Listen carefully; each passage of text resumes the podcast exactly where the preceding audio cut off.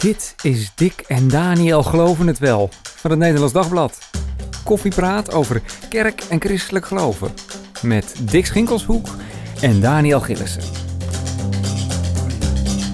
Leuk dat je luistert naar deze podcast over een religieus of kerkelijk thema dat in het nieuws is. Mijn naam is Dick Schinkelshoek. Ik ben chef van de redactie Geloof van het Nederlands Dagblad. En tegenover mij zit eigenlijk zoals altijd Daniel Gielissen. Adjunct, hoofdredacteur van onze mooie krant. Maar vooral iemand die ook ontzettend veel ervaring heeft met religiejournalistiek. En onze gast vandaag is David Wertheim. David is Joods en sommige christenen kijken naar jou, David, alsof je dan een soort bijzondere uh, mensensoort bent. Uh, wat vind je daarvan? Ja, daar voel ik me soms wel een beetje ongemakkelijk bij. Dat kan ik me heel goed voorstellen. Uh, we lijken in ons land sowieso wel geobsedeerd door Joden. Dat geldt niet alleen Nederlandse christenen, daar gaan we het zo meteen over hebben. Uh, maar ook de doorsnee geseculariseerde Nederlander laat Joden niet onberoerd. Het is een scheldwoord in de stadions. Bij demonstraties rond de coronavaccinatie liepen sommige demonstranten met Jodensterren op. Joden spelen bovengemiddeld vaak een rol in allerlei complotverhalen. En als er één staat in de wereld onder een vergrootglas lijkt te liggen, dan is het wel de staat Israël. David, uh, jij bent directeur van het uh, Manasse Ben Israël Instituut in Amsterdam. En van jou is net een boek uit. Hè, waar gaat het over als het over Joden gaat? Uh, heb jij zelf het gevoel dat mensen in Nederland anders naar jou kijken omdat je Joods bent? Dat verschilt. Um, soms wel, soms niet. Ik denk soms wel dat als mensen mij kennen en dan, nou ja, mensen hebben al heel snel een vermoeden dat je Joods bent als je David Wertheim heet. Mm. Um, de naam zegt dan al dus wat. ik denk dat mensen dat al vaak denken. En ja, het is natuurlijk heel moeilijk in te schatten uh, voordat je iemand echt ontmoet. Uh, ja, of ze daar bepaalde ideeën bij hebben van tevoren. Maar um, ik heb wel gemerkt dat op sommige plekken dat, ja, uh, en, en zeker in de christelijke wereld, dat, dat, dat, ja, dat wel iets bijzonders aan je gevonden wordt. Ja, wel verschil inderdaad tussen die christelijke wereld en de gewone wereld, bijna zeggen. Maar er zit wel verschil in. Ja, ik denk wel dat daar verschil in zit. Bijvoorbeeld, uh, uh, ik was dan uh, bij Ajax op de tribune. En nou ja, daar roepen ze ook de hele tijd Joden, Joden, Joden. Ja, wie niet springt, die is geen Jood, hè? Ja, uh, precies. Bij Ajax. Ja. Uh, en, en bij Feyenoord wie niet springt, die is een Jood. Ja, en dan gaan ze allemaal springen. Ja. Uh, maar ja, dat, dat, dat, dat ik dan toevallig een Jood ben, dat zegt ze daar niet zo heel veel. Want ze zijn vooral bezig met de tegenstander. Ja. En met springen. En met springen, heeft niks, ja. niks met Joods zijn te maken, bedoel je? Nee, nee, zeker niet. Um, en, en dat is denk ik in de christelijke wereld wel uh, een beetje anders. Ja. Maar vind je dat vervelend in zo'n stadion? Dat je, jongen, uh, uh, blijf even af van dat woord. Ja, ik moet zeggen dat ik het langzaam wel wat vervelend. Ik kom niet heel vaak in voetbalstadions. Ik ben er nu geweest voor mijn boek een paar keer. En nu was ik er, vorige week was ik er met Ajax Rangers. En toen begon ik me er wel aan te ergeren op Hmm. een of andere manier. En wat, wat is die, uh, dat nu die ergernis dan opkomt? Ja, een dat paar keer is hebt meegemaakt. moeilijk te zeggen. Ik denk ook de, de agressie waarmee het geroepen wordt, Hmm. het fanatisme, wat anderen misschien heel, heel aantrekkelijk vinden. En het, uh, ja, het, het benadrukken van de rivaliteit via dat woord, denk ik. Ja. Want vind je, vind je het antisemitisch? Ja, ik, die vraag die heb ik echt proberen te vermijden in mijn boek. Oh. Um, ik, je kan natuurlijk altijd gaan. Het is best wel ingewikkeld om na te denken van wanneer iets antisemitisch is. Ook omdat je dan moet gaan definiëren wat antisemitisme is. Er zijn allerlei definities van. De, ja, van dat precies. Woord. Maar dan moet je bedenken uh, met welke uh, jij het eens bent. Um, ja, Hamas, de Joden aan het gas, wat heel veel wordt geroepen. Uh, nou, dat is ja, duidelijk gewoon een, een, een oproep om uh, Joden te vermoorden. Dus antisemitischer kan het niet zijn. Maar dat is helemaal niet wat ermee wordt bedoeld. De bedoeling is dat um, Ajax moet verliezen. Mm. in, in de voetbalcontext. Dus ja, dat, dat is het allebei. En dan, ja, dan kan je het een, een, een, een plakker geven van antisemitisme Ja. of niet. Maar je, je, dat zijn die twee dimensies die eraan zitten. Semantisch is het dat. Qua intentie is het dat niet. Nee, precies. Dus eigenlijk, je, je komt het in de samenleving op allerlei plekken tegen. Er wordt over Jood en Jood zijn. En het woord Jood wordt, over, wordt ge- dus gebruikt. Overal zou je dan kunnen zeggen. Tot met inderdaad de stadions toe. Maar het heeft er niet in alle, alle gevallen eigenlijk mee te maken. En er wordt ook niet Nou altijd ja, som- bedoeld. soms natuurlijk wel. Maar ik had heel erg gevoel met schrijven van dat boek... dat als ik me de hele tijd ga afvragen van... vind ik dit antisemitisch of vind ik dat niet... Mhm. dan is dat meer een vraag van... eh, veroordeel je het of veroordeel je het niet... Eh, ehm, en dat was niet het soort boek dat ik wilde schrijven. Of hoe moet je het bestrijden? Ik wilde begrijpen wat er aan de hand was. Ik wilde weten wat dat zei over Nederland. Dat dat overal in Nederland gebeurt.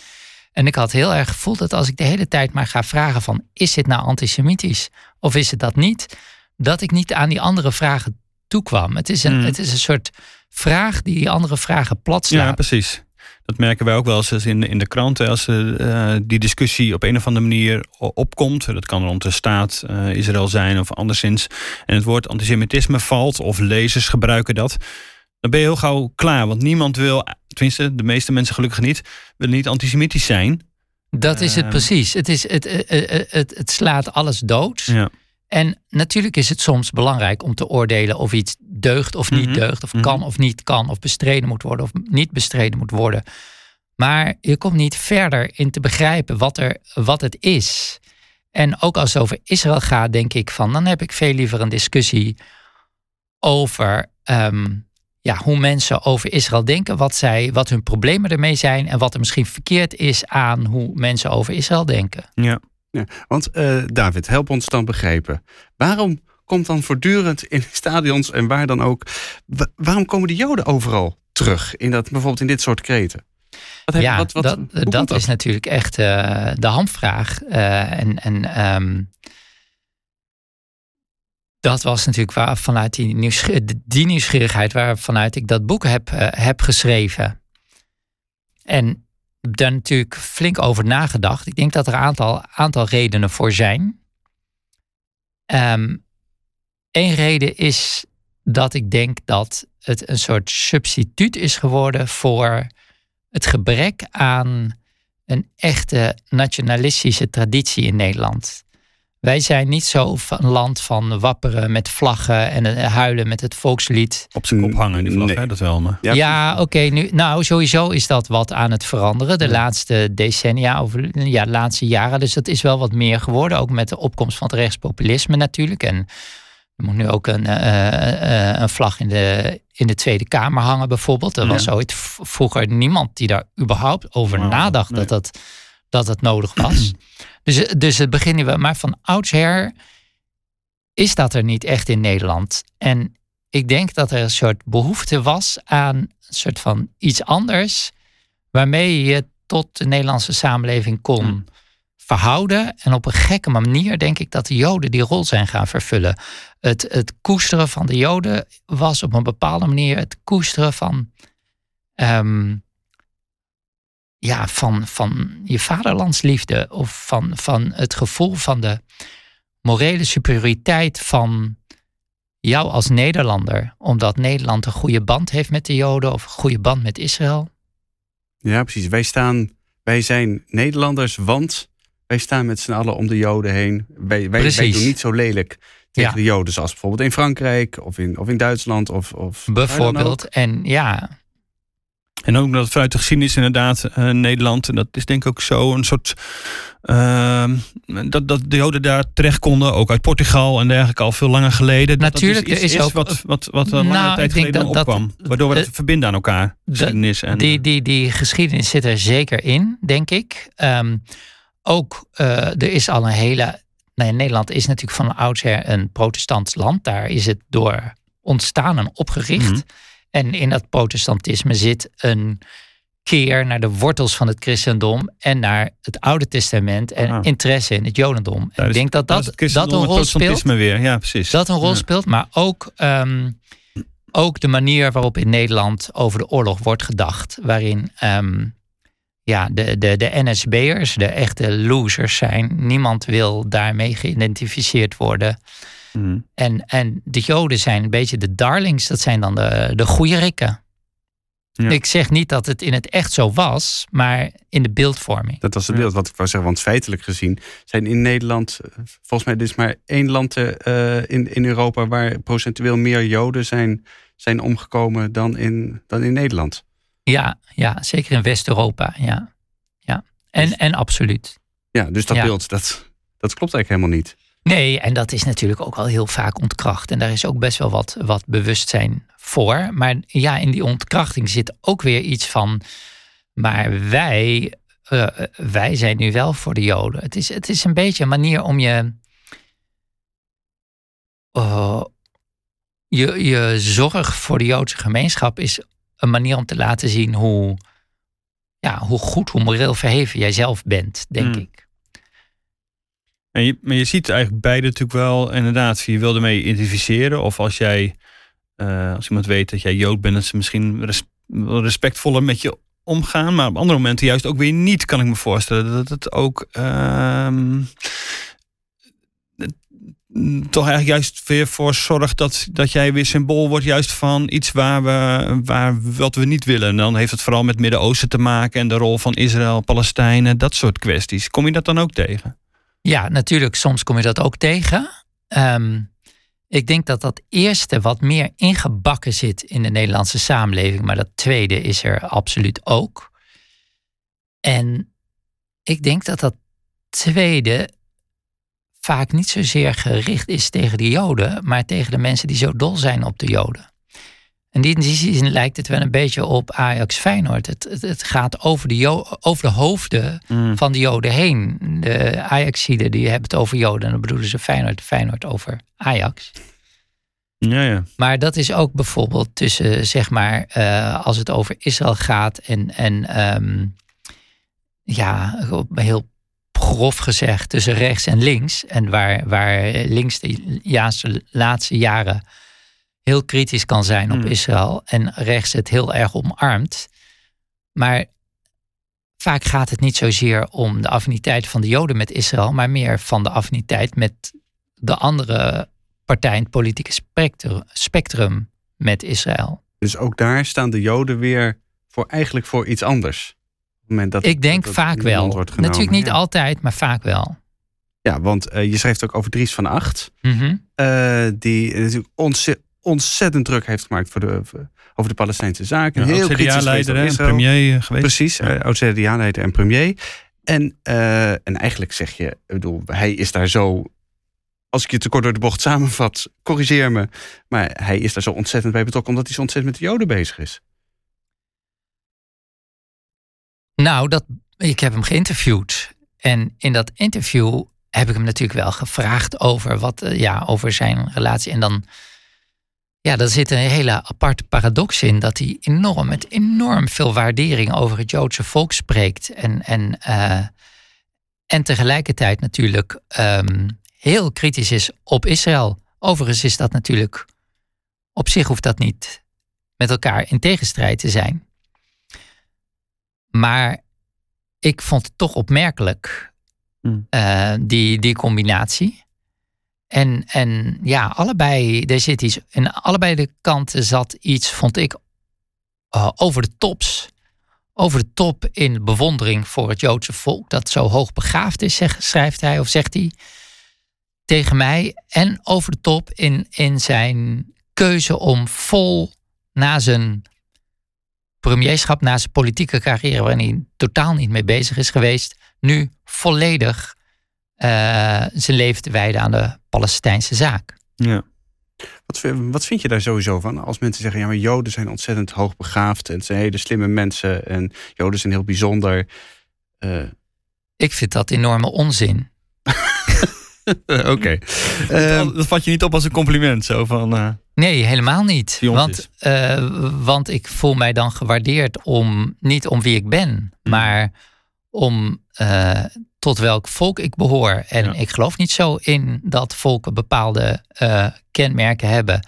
Niet negatief en niet positief. Nee. En persoonlijk wil ik liever gewaardeerd worden om wat ik doe en wie ik ben dan mijn toevallige achtergrond. Ja, precies. Ja, want eh, hoe erg voel je je Joods? Wat doe je, wat doe je aan het Joods zijn zelf? Nou, qua religie, en het gaat hier natuurlijk over religie in de podcast, vrees Zeker. ik dat ik eh, eh, niet, niet geloof. Eh, maar Vrees ik dat ik niet geloof. Eh, nou ja. natuurlijk. Eh, wat dat betreft ben ik hier misschien een beetje in een, eh, eh, een eh, vreemde wereld voor mij. Maar ehm, aan de andere kant, qua eh, gebruiken en tradities, eh, eh, doe ik wel een en ander. En dan vooral wat dingen die, die in, in huiselijke kring doet. Dus eh, ja, wij vieren met de familie eh Pesach, eh zijderavond of Chanukka, dan steken we lichtjes aan. Dus dat soort feesten, dat, dat vind ik leuk. En ja, in de familie vier ik dat ook. Maar het heeft geen religieuze betekenis dan voor jou, maar wel het Joods zijn in je eigen, binnen je eigen familie daar een. ja, Precies, je kan dat het misschien vergelijken met hoeveel mensen in Nederland Sinterklaas vieren. Ja. En daar ook warme gevoelens bij hebben. Ja. Zonder dat dat iets met een religieus gevoel heeft Ja. te maken. Kom je, ja, kom je vaak in Israël? Ik heb eh, gestudeerd in Israël. En sindsdien ben ik er een paar keer geweest, maar eigenlijk niet zo heel vaak. Heb je iets met het land? Jawel, zeker, Hmm. ja. Ja, omdat eh, mijn ouders die hebben er een tijd gewoond. Eh, Ik ben in Nederland geboren Hmm. en omdat ik er een aantal jaar heb gewoond zelf. En omdat ik er natuurlijk vrienden en familie heb zitten. Ja. Maar is het, zou het anders zijn als je, eh, weet ik vast dat je een aantal jaar in eh, New York had gewoond. Is dan die bintenis toch anders met, met Israël vanwege eh, je Jood zijn dan inderdaad met een ander land? Maakt dat uit? Ja, ik denk dat dat niet helemaal te vergelijken Hmm. is. Omdat, ja, van. Ik ben toch wel een beetje opgevoed met het idee van. Dit is een mogelijkheid. Dit is ook een land waar jij kan gaan wonen. Ja. Dus dat, dat, ja, met dat idee ben ik ook, ook naartoe gegaan. Ja. Maar aan de andere kant is het ook wel weer vergelijkbaar hoor. Met een ander land. Ik heb ook een jaar in de Verenigde Staten gewoond toen ik twaalf was. Ehm, ja, daar heb je dan ook een soort van eh, affiniteit mee. Ja. ja. Maar de verbintenis is wel.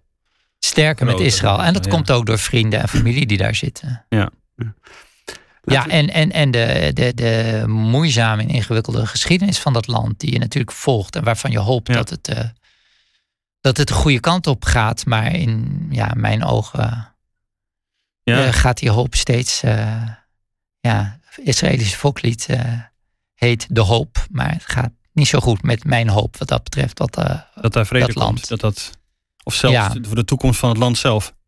ja, ook. Ja. Want het voel je wel in een of andere manier. Hè? Dick, je bent ook nog laatst in eh, Israël geweest. Heb jij het soort gevoel van, daar is het wel een soort, dat had ik wel, een soort, dit is wel een soort navel van de, van de wereld of zo. Er komen heel veel dingen bij elkaar.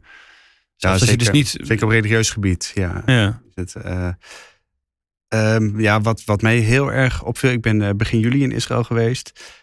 met een heel aantal mensen gesproken, zowel aan de Palestijnse kant als aan de Israëlische kant.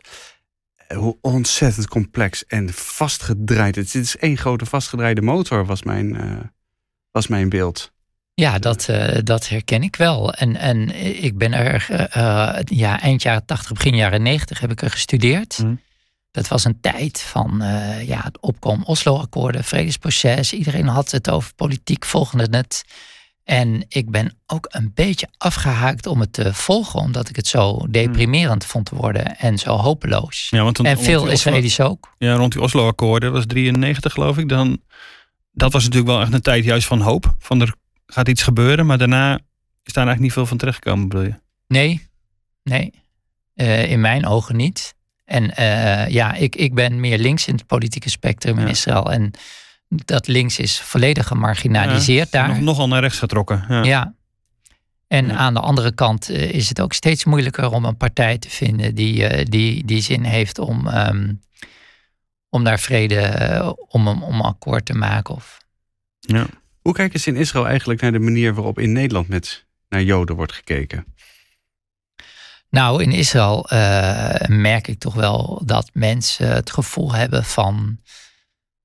Nou, aan de ene kant is er een enorm gevoel van verbondenheid met Nederland. Omdat er een ja, het idee is dat er een band is tussen Nederland en Israël. Dat er ja, die vroeger ook, ook vanuit Nederland heel erg werd gevoeld. Ik denk dat dat eh, wel wat is afgenomen. Ik weet inmiddels niet of dat gevoel in Israël er nog steeds zo is. Als Het was er wel, dus je zou denken, ook denk, kunnen denken van, het interesseert het verder wat, eh, wat er in Nederland gebeurt. Maar Nee, dat was er wel. Je was Ja. wel populair als je zei dat je uit. Nederland kwam om die reden. Ik herinner me ook nog eh, in, de, in de Golfoorlog. Toen zat ik daar in 91. Dat eh, allemaal Nederlanders een liedje hadden opgenomen om Israël een hart onder de riem te steken. En dat Israëli's mij echt met tranen in hun ogen bedankten. Ja. Mij bedankten dat ons land zo'n liedje had, Ah, had ja. gemaakt. En toen heeft Israël een liedje teruggemaakt. Met eh, volgens mij toch artiesten die ietsje meer naam hadden in Israël dan de artiesten die het liedje in Nederland hadden gemaakt voor Israël. ja. Dus, Dus daar, daar merkte je dat heel precies. erg, ja. Ja. Laten we naar de, eh, naar de Nederlandse christenen gaan. Ehm, want daar speelt nog iets anders mee. Eh, je hebt er voor je boek verschillende gesproken. Ehm, wat, wat, wat viel je vooral op? Nou kijk, ik, eh die christelijke wereld, als je daar niet uitkomt, dan is dat best wel eh, een, een, een bijzondere eh, wereld. Die, eh, ja, die, die voor de mensen die erin zitten, is het helemaal gesneden koek. Maar voor daarbuiten is het echt heel, heel anders. Het, het, het viel me bijvoorbeeld op, ook in de redactie van, van het boek, dat ik bepaalde dingen moest uitleggen waarvan ik zelf al dacht van, nou, dat moet de lezer toch wel weten. Bijvoorbeeld eh, de bergreden Mhm. noem ik ergens. Ja, dan moest ik wel even uitleggen wat, wat dat was. Ehm, Dat hoef je deze podcast voor de ik helderheid denk dat ik het hier niet hoef uit te leggen, ja. Nee, hoewel. hoewel eh, je, je weet niet wie er allemaal luistert. Hè? Nou, dan gaan we het toch even uitleggen, de Nou, ik bergreden. kan, ja, ja. ik kan wel zeggen hoe het erin voorkomt. Er is Ja. iemand en die, eh, eh, eh, die zegt: eh, ik, ik ga naar een, po- eh, een demonstratie van christenen voor Israël. Mm. En ik spreek daar iemand en die zegt van ja, eh de Joden die hebben dat in Israël helemaal verkeerd aangepakt. Mhm. Dus ik denk, oh, is dit dan iemand die kritisch is op de Israëlische eh, politiek? Nou, zei hij, in bijbelse tijden hadden ze die Palestijnen er al uit moeten Ja. rammen. Ja, dat ging even precies de andere kant op. Ja. Ja. En toen eh, schreef ik op van, ja, ik had hier met de bergreden terug kunnen slaan. En dat grapje, wat ik zelf een leuk grapje vond, daarvan dachten ze, mijn redacteur, van dat, dat begrijpen ze niet. Nee. Als de lezer, maar ik heb er de vredelievende bij, bergreden van gemaakt. Ja, precies. Zodat duidelijk is dat we de, de woorden van Jezus over. eh, eh, want welke, welke link wilde jij leggen? Nou ja, daarin zegt Jezus, ik hoop nu trouwens dat ik het wel goed zeg, Ja. dat, dat eh, als je geslagen wordt, dan keer je de andere wang toe. Precies, ja. Ja. De vijand lief hebben, de Ja. tweede mijl gaan. Ja, Ja. Nee. En Even- dat is niet de Palestijnen eruit rammen, Nee. volgens mij. Nee. Je stond ook wel even met je oren te klapperen daar eh, dat het gezegd werd. Ja, wel een beetje, ja. Ja. Want Christen voor Israël is een organisatie die in, in onder christenen redelijk bekend is, maar die, die daar ja, die hard achter Israël staat, zoals ze dat zeggen.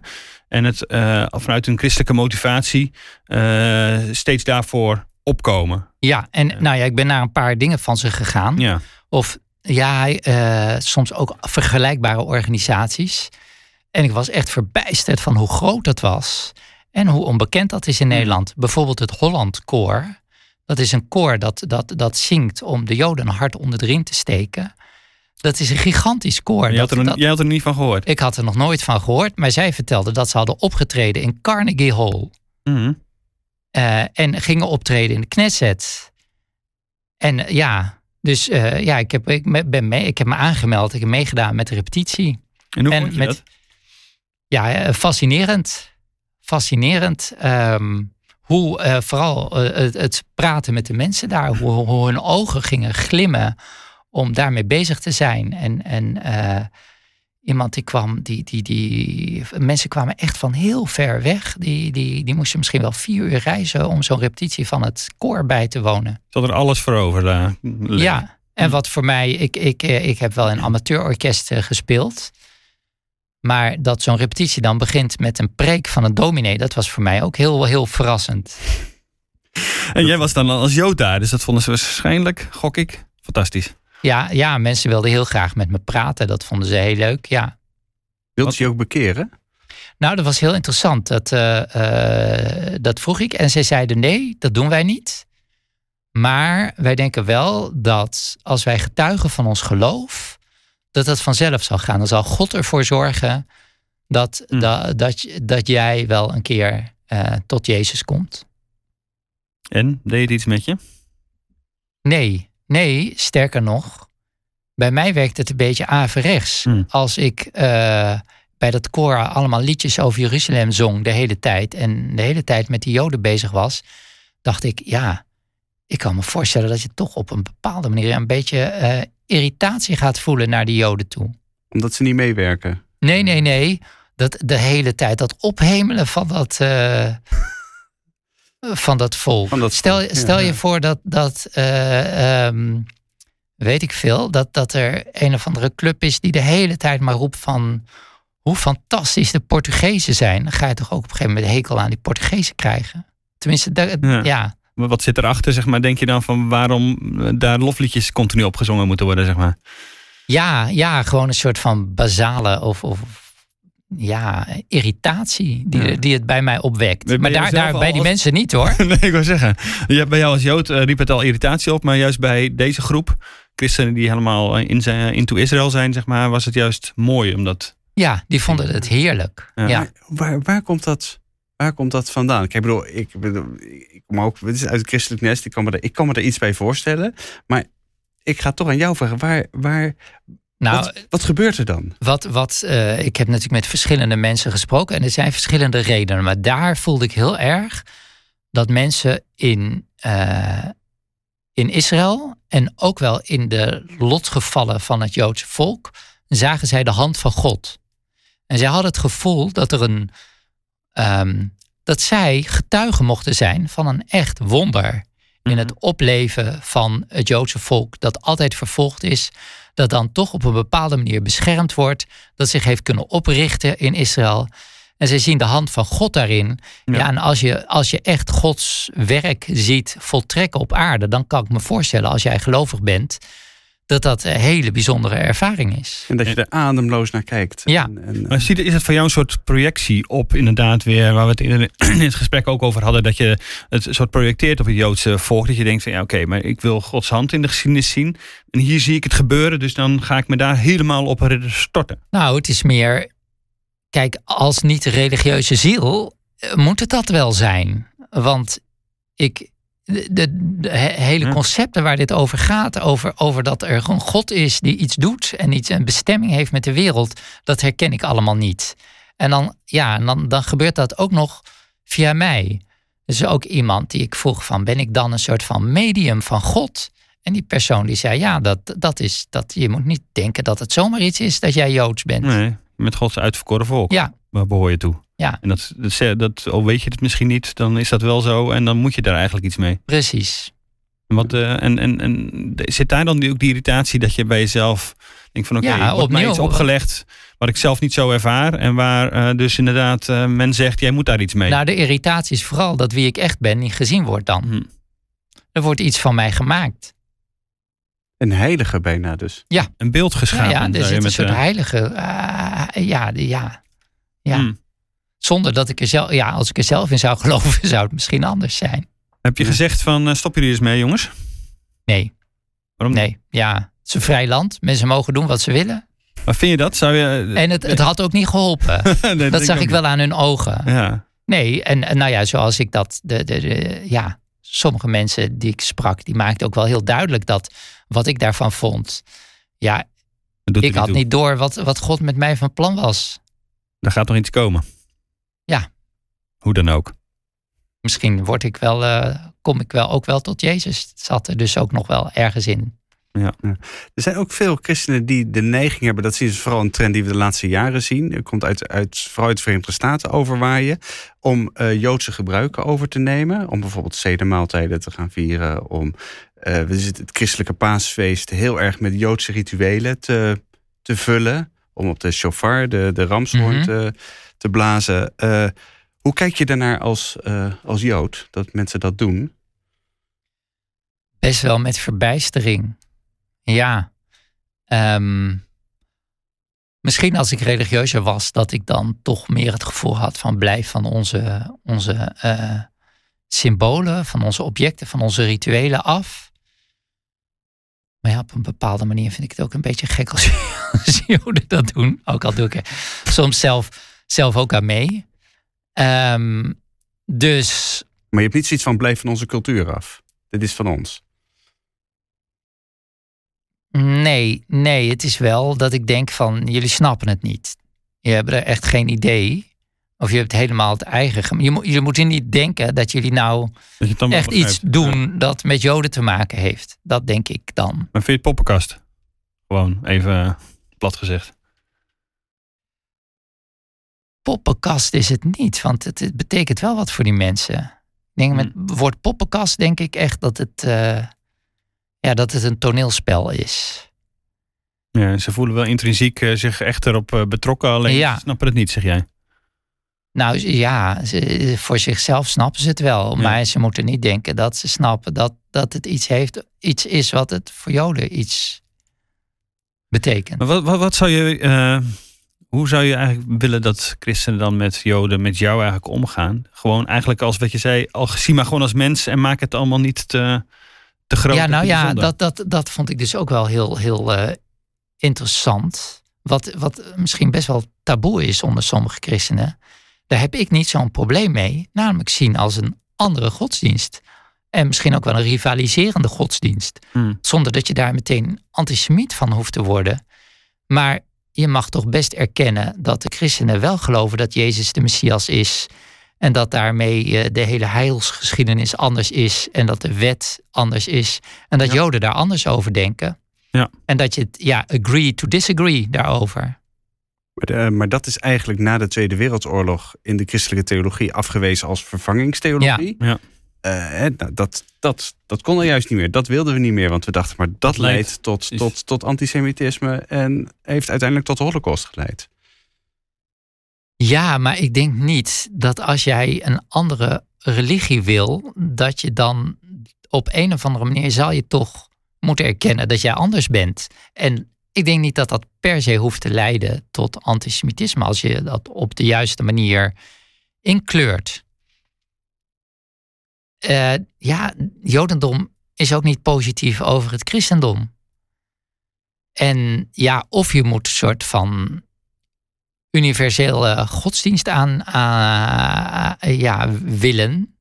Nou ja, dat, dat willen de christenen natuurlijk ook. Die willen natuurlijk eigenlijk dat, dat iedereen christelijk wordt. Maar dan zit misschien daar het probleem. Maar ja, erken nou gewoon dat er verschillende godsdiensten zijn. Dat kan juist prima. En, en dat kan denk ik ook met een vervangingsleer. Ja, dus, dus An- anders kom je met jezelf in de, in de knoop op een of andere manier. Het, je, je komt daar niet uit. Ik, ik heb het ook gemerkt toen ik bepaalde dominees sprak, dat die, ja, dat die daarmee, ehm, eh, daarmee echt mee worstelen. Dat zei ze ook tegen mij. Ja, dus een beetje het combineren wat je eigenlijk, hè, dus eh, de christenen die, die Joodse gebruiken overnemen of zo heel dicht als misschien christen voor Israël tegen eh, Joden tegen Israël aanschuren. Daarvan zeg jij, dus dat een soort combinatie die ze maken die eigenlijk niet helemaal, dat matcht gewoon niet op die manier. Nou, dat, dat is nog een stapje verder dan, dan een taboe maken van de ver- vervangingsleer. Ja, dat gaat nog de andere kant op. Dat gaat inderdaad weer Ja, dat, dat gaat nog verder. Dus je kan ook gewoon eh, die, die, die, dat nadoen van, van het Jodendom eruit laten. Ja. En dan kan je nog steeds tegen de vervangingsleer zijn. Dat is denk ik ook nog mogelijk. Ja, die zijn er eh, ook te vinden, denk ik, Zeker, christenen. zeker. Eh, We, ehm, we hebben gezien vor, vorige week, daar hebben we als krant ook over geschreven, dat de synode van de Gifmuurde gemeente. Even, David, ik weet niet of jij ongeveer weet waar de Gifmuurde gemeente zich als kerkverband bevindt. Ze uiterst rechts in het Nederlands protestantisme. Die hebben vorige week vergaderd over hun houding tegenover de Joden tijdens de, de Tweede Wereldoorlog. Eh, de bekende SGP-voorman eh dominee Kersten, die eh, speelde daar zacht gezegd een wat dubieuze rol. eh, en er kwam trouwens niet heel veel uit. Maar de protestantse kerk heeft bijvoorbeeld twee jaar geleden excuses gemaakt aan de Joodse gemeenschap. Voor de aarzelende rol van de kerken in de, in de Tweede Wereldoorlog. Verbaast het jou, David, dat dat eh, in kerken nog zo ontzettend leeft? Nou, dat weet ik niet of dat zo verbaast. En, en, en een rekenschap geven van, de, van je eigen verleden. Hè, Vergangenheidsbewältigung, zoals de Duitsers dat geven. Nou, noemen. die Duitsers dat toch mooi? Dat, Ja. dat, dat, daar Ja. ben ik voor. Dat vind ik goed. Dus daar, daar zit ik niet zo mee. Dus het is, dat is, heeft dan meer te maken met dat je inderdaad... eh, Met je eigen, eigen geschiedenis. Zoals precies. er nu ook roepen zijn om over de slavernij. Ja, excuses. Ik, ik, ik, ik vind het soms een beetje gratuit om dan nu Mm. officieel excuses te gaan aanbieden. Ja. Maar dat is meer mijn persoonlijke smaak. Ik heb het met al, al die. Ik, ik word altijd een beetje ibel van. Of het nou om de Joden gaat of om anderen. Het, heeft altijd iets, iets Mm. eh, oppervlakkigs, vind ik. Of, of, of iets gemakzuchtigs. En, en misschien ook niet zo nodig van mij. Maar andere mensen waarderen het misschien wel heel erg. Ehm, maar eh, je rekenschap geven van dat verleden vind ik heel, heel belangrijk en heel goed. Mhm. Is het trouwens eh, de Tweede Wereldoorlog iets wat voor jou persoonlijk nog steeds vanuit familieervaringen en dergelijke misschien nog heel sterk leeft? Of dat je dat steeds Ja, ik denk dat dat voor Ja. iedereen is die Joods is en, en die in de familie daar ervaringen mee heeft. Ja. Ja. Het is ook iets wat dan dus niet weggaat, wat je keer als geschiedenis met je meedraagt. Ja, dat verandert per generatie. En, en ja, het is steeds langer geleden natuurlijk. Ja. Ehm, en inmiddels begin ik ook alweer, eh ik ben 52, ook, ook alweer een beetje ouder te worden. Dus voor nieuwe generaties is het denk ik ook weer anders. Ja. Maar ja dat, dat, ja, dat, dat is wel iets dat nog impact heeft. Merk, dat, merk je dat? Dat inderdaad bij je eigen, je had het over je zoon, eh, dat, dat, nog, dat het anders is bijvoorbeeld voor- weer voor hem? Dat het anders gaat spelen, denk je? Of hoe? Dat moet hij, eh, als hij wat ouder is, Ja. moet hij daar, daar antwoord op geven. Denk ik. Maar zie je het veranderen onder... inderdaad? Ja, ik denk dat ik het wel zie veranderen. Ja. verandert ook eh, op dezelfde manier de houding van, eh, het is gewoon van, van niet-Joodse Nederlanders tegenover Joden. Eh, want Ja. ook voor hen geldt natuurlijk dat de Tweede Wereldoorlog steeds Ja. verder achter hen ligt. Die herinnering Zeker. vervaagt. We hebben steeds meer te maken met islamitische Nederlanders die daar weer op een hele andere manier in staan. Ik denk dat er heel veel is veranderd. Ik denk dat dat, ehm, dat gevoel van verbondenheid met Israël bijvoorbeeld, in eh, het woord Israël als land en als, als volk, ehm, dat was een, een verbindend element in de Nederlandse samenleving. En dat is, dat is eerder een verdelend element geworden. Ja. Met, met de polarisatie die zeg maar, vanaf de Fortuin-revolt heeft plaatsgevonden, eh, zie, zie je dat, dat ook voltrekken. Dus dat is een grote verandering. Ik denk dat je in de hele Nederlandse samenleving ziet dat de omgang met de oorlog ook verder weg is. Voor mij was een heel belangrijk moment dat eh, de identificatieplicht werd ingevoerd zonder, zonder dat iemand enig probleem ermee maakte en eh, oorlogsvergelijkingen trok. Terwijl ik denk 15 jaar voordat dat gebeurde, dat het onmogelijk was geweest. Dat was dat je vanaf je veertiende een En met een idee moet lopen. Ja. En dat iedereen een associatie had gehad van, oh ja, dat moest in de nazi-tijd ook. En dat was een Auschwitz en zo. En niemand die zat daar nog mee. Hm. Dan merk je dat dat achter je gelaten wordt. Nou, we gaan, mee- we gaan meemaken hoe dat zich precies gaat, gaat ontwikkelen. Ik denk dat jij dat sowieso doet eh, vanuit jouw werk, eh, David. Ja, het is, het is boeiend. Dat is het eh, zonder meer. Wij blijven dat als journalisten natuurlijk ook volgen. Dankjewel, David, dat je bij ons wilde zijn in deze Dankjewel. podcast. Ehm, nou, we zullen eh, je als Jood niet, niet gaan knuffelen. Dat, eh, als christen hier, dat zullen we maar niet doen. Eh, Jullie mogen me knuffelen, maar niet als Jood. Kijk, oh, dat, vind ik, Totdat er weer een golf komt.